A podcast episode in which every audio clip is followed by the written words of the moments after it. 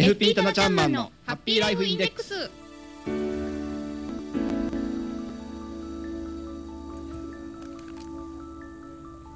ー FP タナちゃんマンのハッピーライフインデックス。この時間はあなたの夢と未来をトータルサポートするライフサポート有限会社と提供でお送りします。私たちと一緒に明るい未来幸せな生活になるためのマネーライフを考えてみませんか？この番組ではあなたからの疑問質問も大募集中です。宛先はメールアドレス hama.p-wave.ne.jp hama.p-wave.ne.jp です。お待ちしてます。さあそれでは今日も早速一級ファイナンシャルプランニング技能士ライフサポート有限会社代表のタナちゃんマンを呼んでみましょう。あなたもご一緒に。せーのタナちゃんマン。はい、こんにちは、棚橋です。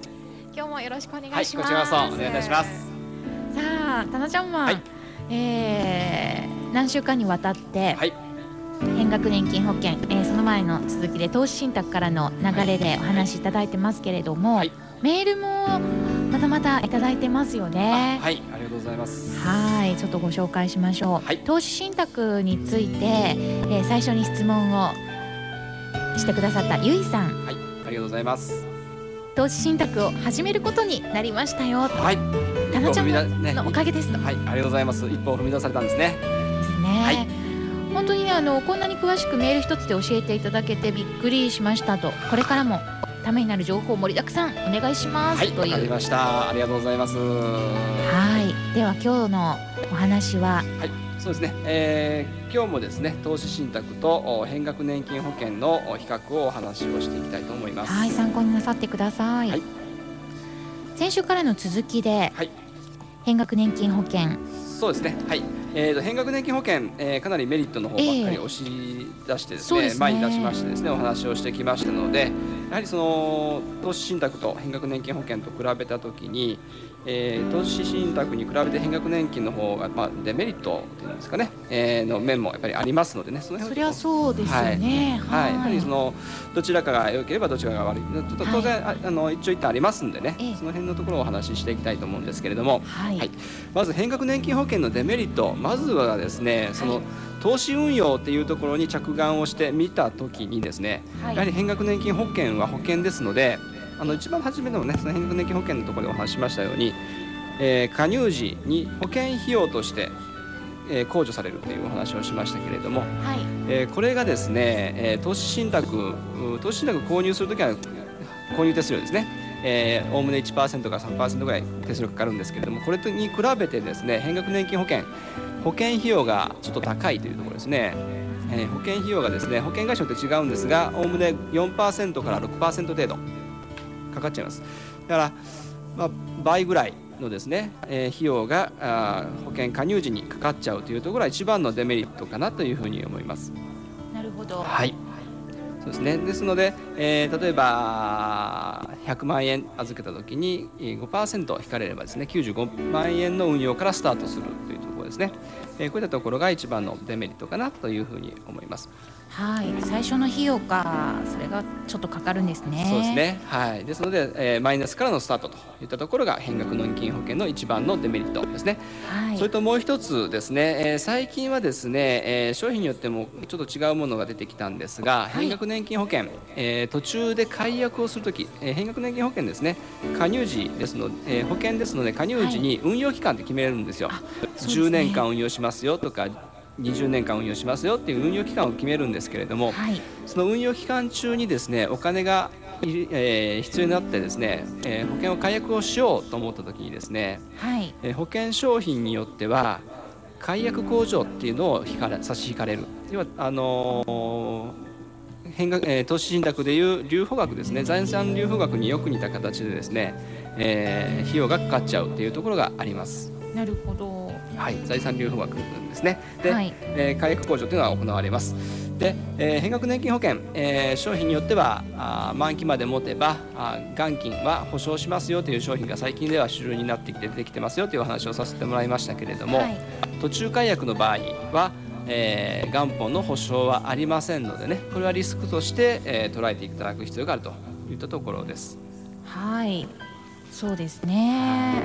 そう考えるとどうなんでしょうそうですね。ですので、えー、変額年金保険途中で解約するかもしれないような場合はですね、はい、できる限り変額年金保険という商品は避けた方がいいのかなと思います。それと、うんうん、えー、投資信託もですね、例えば5年間運用して、えー、まあ解約なり売却をしてですね、元金を、えー、まあ換金した時に、えー、当初の元金を割ったとしても投資信託の場合は分配金がありますよね。はい、利金という形で分配金を受け取ることができますので、え受け取った分配金のトータルをしてプラスであればっていうのはあるんですが、はい、変額年金保険運用次第によっては元金がマイナスになってしまう。で変額年金保険は、えー、先週もお話ししましたように分配金がありませんのでもうマイナスになってしまえばもうマイナスということが確定してしまうというところですね。はい、そっか、はい。ですのであのいつお金がいるかもわからないといった場合には変額年金保険はあまり使わない方がいいですね。例えば、えー、5年あるいは10年、まあ、商品によっては10年以上運用してくださいという取り決めがあるんですけれどもおおむね10年以上、えー、続けれる資金があるときには投資信託より変額年金保険の方がいいのかなというふうには思います。でえー、その辺がですねそのライフプランニングに合わせて投資信託を選んだ方がいいか変額年金保険を選んだ方がいいかというところになってくるんですが、えー、変額年金保険はあ加入するときに手数料がたくさんいりますので運用期間が短いとですね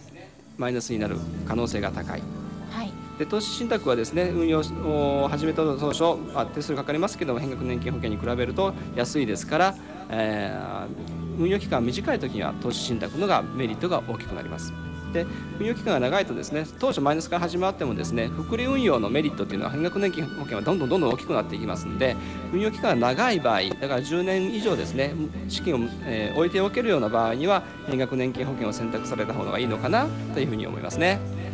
はい。なるほど。違いそしてそれぞれのメリットデメリットをお話しいただいて、ね、はいどういう場合にはというのもねそうですね。とても分かりやすく、はい、はい、理解ができました。ありがとうございます。はい。やっぱりライフプランニングに合わせたそうですということがそうです。ね。ライフプランニングに合わせた商品選びっていうのが一番のポイントであると思います。はい。なるほど、はい、さあ投資信託から変額年金保険のお話を何週間にわたってお願いしましたけれどもね、はい、えー、お分かりいただけた方結構多いんじゃないかとそうですね。はい。思います。はい。はい、えー、過去の放送分もぜひホームページでチェックできますので、ね、はい、はい、FP タナちゃんマンのハッピーライフインデックス、えー、こちらライフサポート有限会社のホームページからチェックできます。はい、タナちゃんマンとちゃんだけひらがなで検索してもらえればアクセスできますよね。はい、はい、そちらもぜひ参考に、えー、続けてまた復習をしてみてください。はい、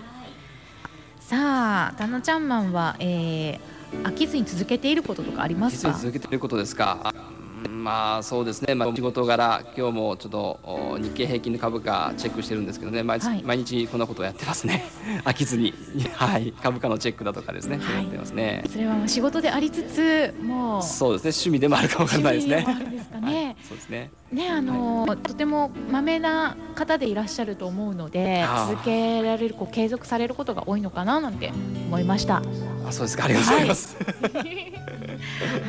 今日もありがとうございます。はい、ありがとうございます。エフィータナちゃんマンのハッピーライフインデックス来週もこの時間にお送りします。この時間はあなたの夢と未来をトータルサポートするライフサポート有限会社の提供で浜園サテライトスタジオからそれではまた来週この時間にお会いしましょうありがとうございましたはい失礼いたします